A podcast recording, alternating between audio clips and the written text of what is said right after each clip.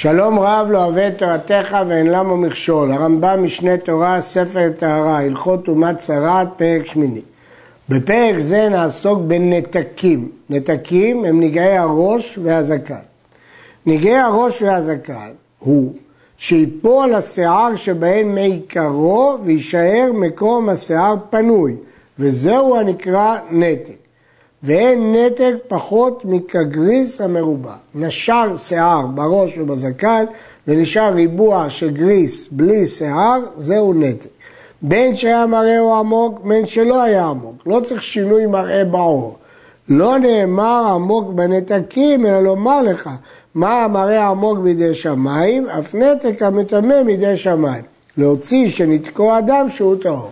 למרות שכתוב בתורה, בספר ויקרא, עמוק, אבל לא צריך להיות עמוק. מה שכתוב זה רק לומר לך שהנתק מטמא רק בידי שמיים, אבל אם אדם גילח לו חתיכה מהשיער, ודאי שזה לא נגע. והאישה והשרי שאלה זקנם שיער, הרי זה מטמא בנתקים, כמו באיש, אם ישור מהשיער מקום כגריס פנוי.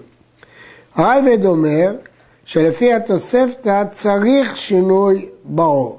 למרות שלפי תורת כהנים, הספרה, נראה שאין צריך שינוי. כזב משנה פסק כתורת כהנים, כדרכו, שזה יותר מוסמך מהתוספתא, ולכן הוא פסק שלא צריך שינוי ברור. הרמב"ן בספר ויקרא מפרש שצריך תחילה מראה בהרת או שאת ועליה יצמחו שערות והחידוש בנתק שאחר כך ניתקו ממנו כל השערות. אבל כפי שראינו ברמב"ם, נתק זה נשירת שיער בריבוע כגריס, בין אם העור עמוק ובין אם העור לא עמוק. הלכה ב' הנתקים מטמאים בשני סימנים, בשיער צהוב דק ובפסיון. פסיון זה התפשטות הנשירה ונפילת השיער למקומות נוספים. כך מפרש הרמב"ם בפירוש המשנה. ויש בהם הסגר שני שבועות וכל זה מפורש בתורה. כיצד? מי שנולד לו נתק בראשו ובזקנו, ריבוע כגריס קלקי. אם היה בו שתי שערות צהובים דקים או יותר, ואין שם בנתק שיער שחור כלל, יחליט, כי זה סימן טומאה. דהיינו, הנתק הוא מקביל לבהרת שבעור, הנתק בשיער מקבילה לבהרת שבעור. ואז צריך סימן טומאה. הסימן טומאה פה זה לא שיער לבן כמו בעור, אלא שיער צהוב דק. אם יש שתי שערות צהובות בתוך הריבוע הזה שנשר בו השיער, יחליט לטומאה. לא היה בו שיער, לא שחור ולא צהוב, סתם ריבוע שאין בו שום שיער כלל, יסגיר שבוע אחד. ובשביעי רואהו. אם נולד בו שיער צהוב דק, זה סימן טומאה. או שפסע הנתק, הנשירה הזאת התפשטה, זה גם סימן טומאה, פסיון. יחליט לטומאה.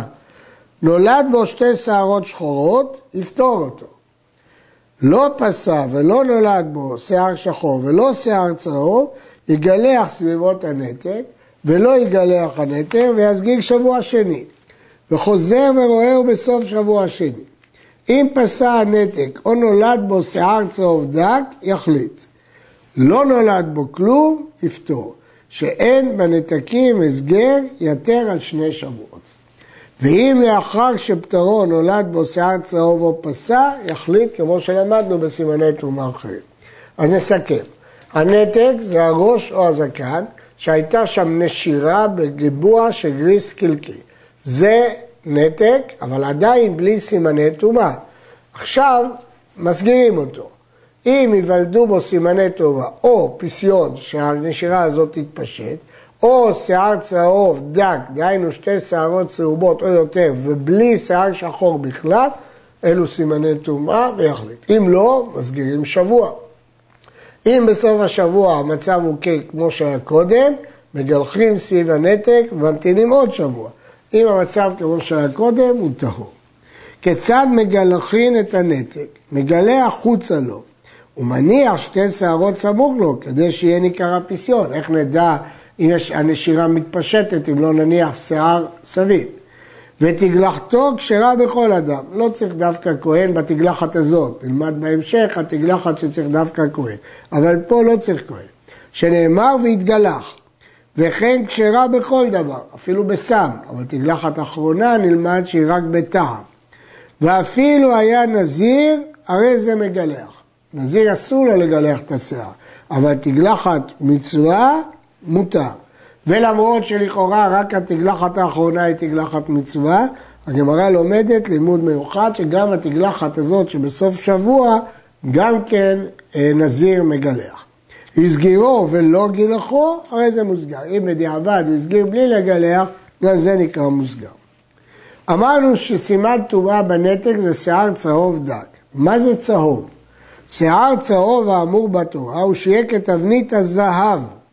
הרמב"ם בפירוש המשנה אומר, מעורב מן הצהיבות והדמומית. לא ממש צהוב ולא ממש אדום כמו זהב. וזה שנאמר דק, הוא שיהיה קצר. אבל אם היה ארוך, אף על פי שהוא צהוב כתבנית הזהב, אינו סימן תורה. רק שיער קצר בצבע זהב. כמה קצר הוא צריך להיות?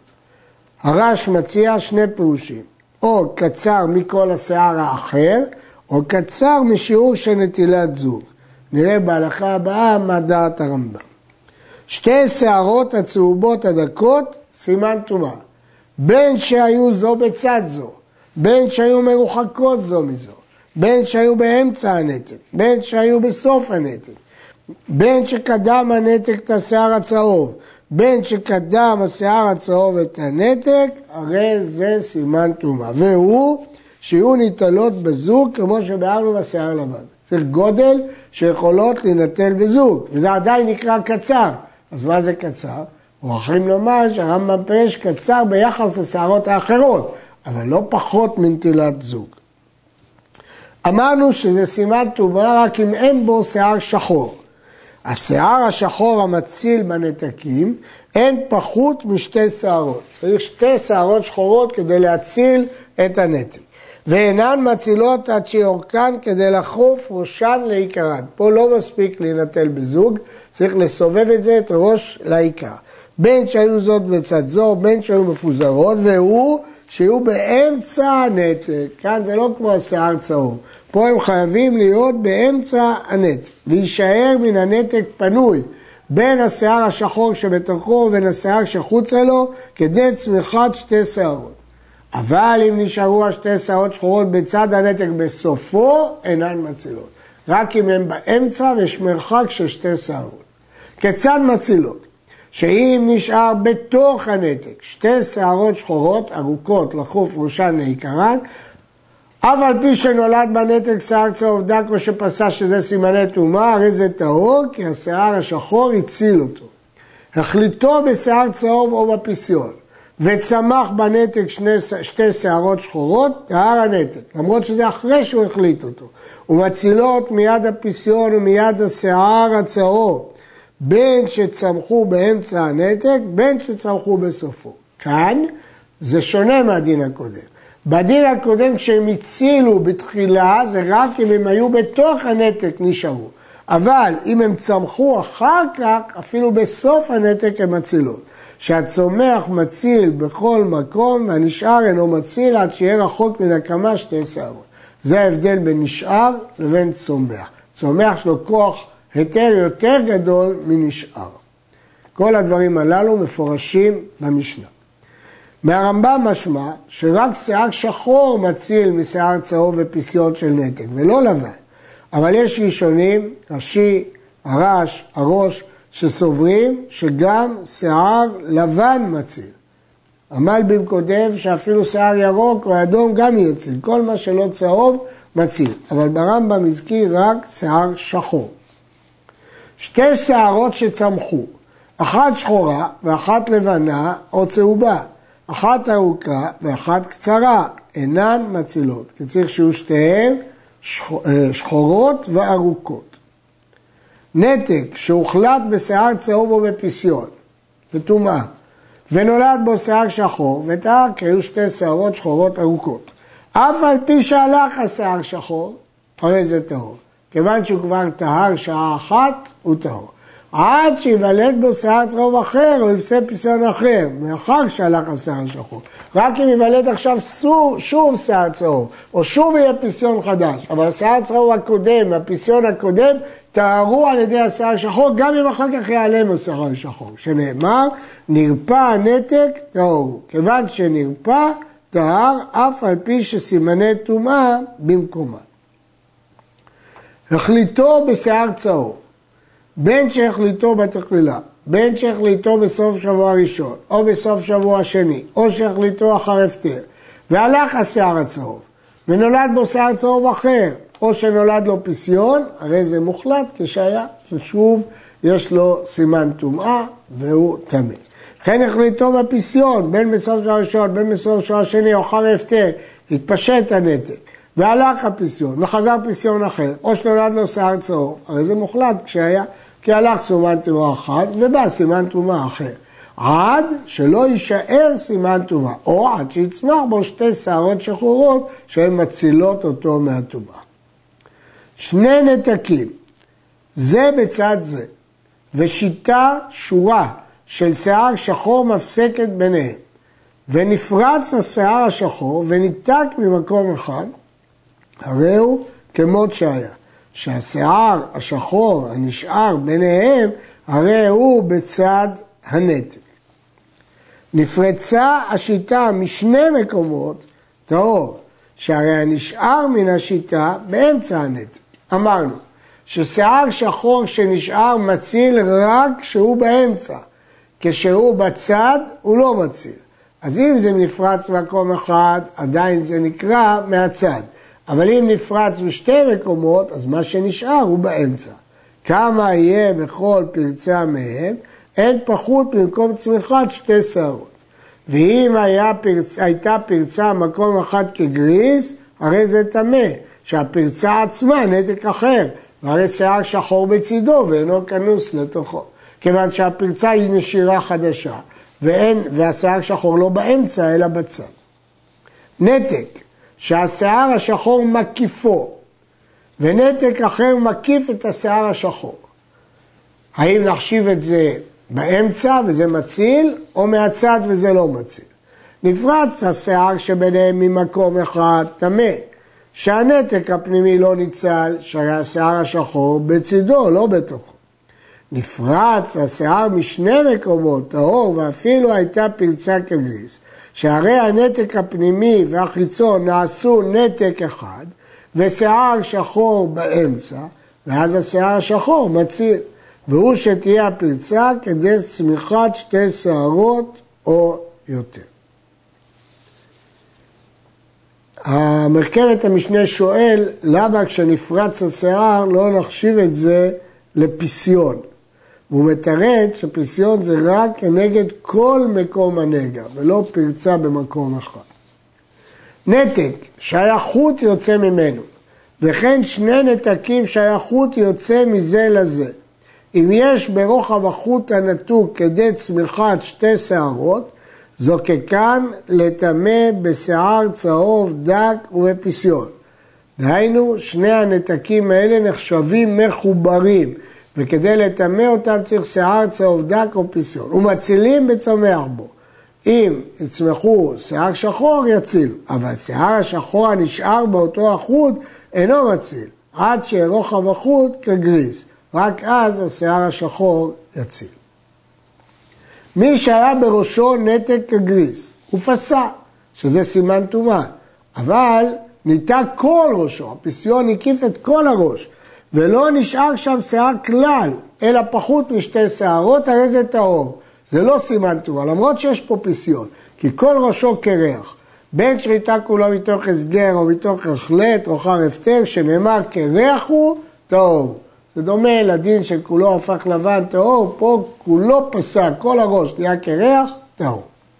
וכן אם היה נתק בזקנו וניתק כל זקנו, הרי זה טהור. אף על פי שאין זה מפורש שבתורה שבכתב, על הזקן, רק על השיער, קבלה היא שאם הלך כל שיער הזקן טהור, ויטמא עור הזקן שנכרך בנגעי עור הבשר כמו שבארנו.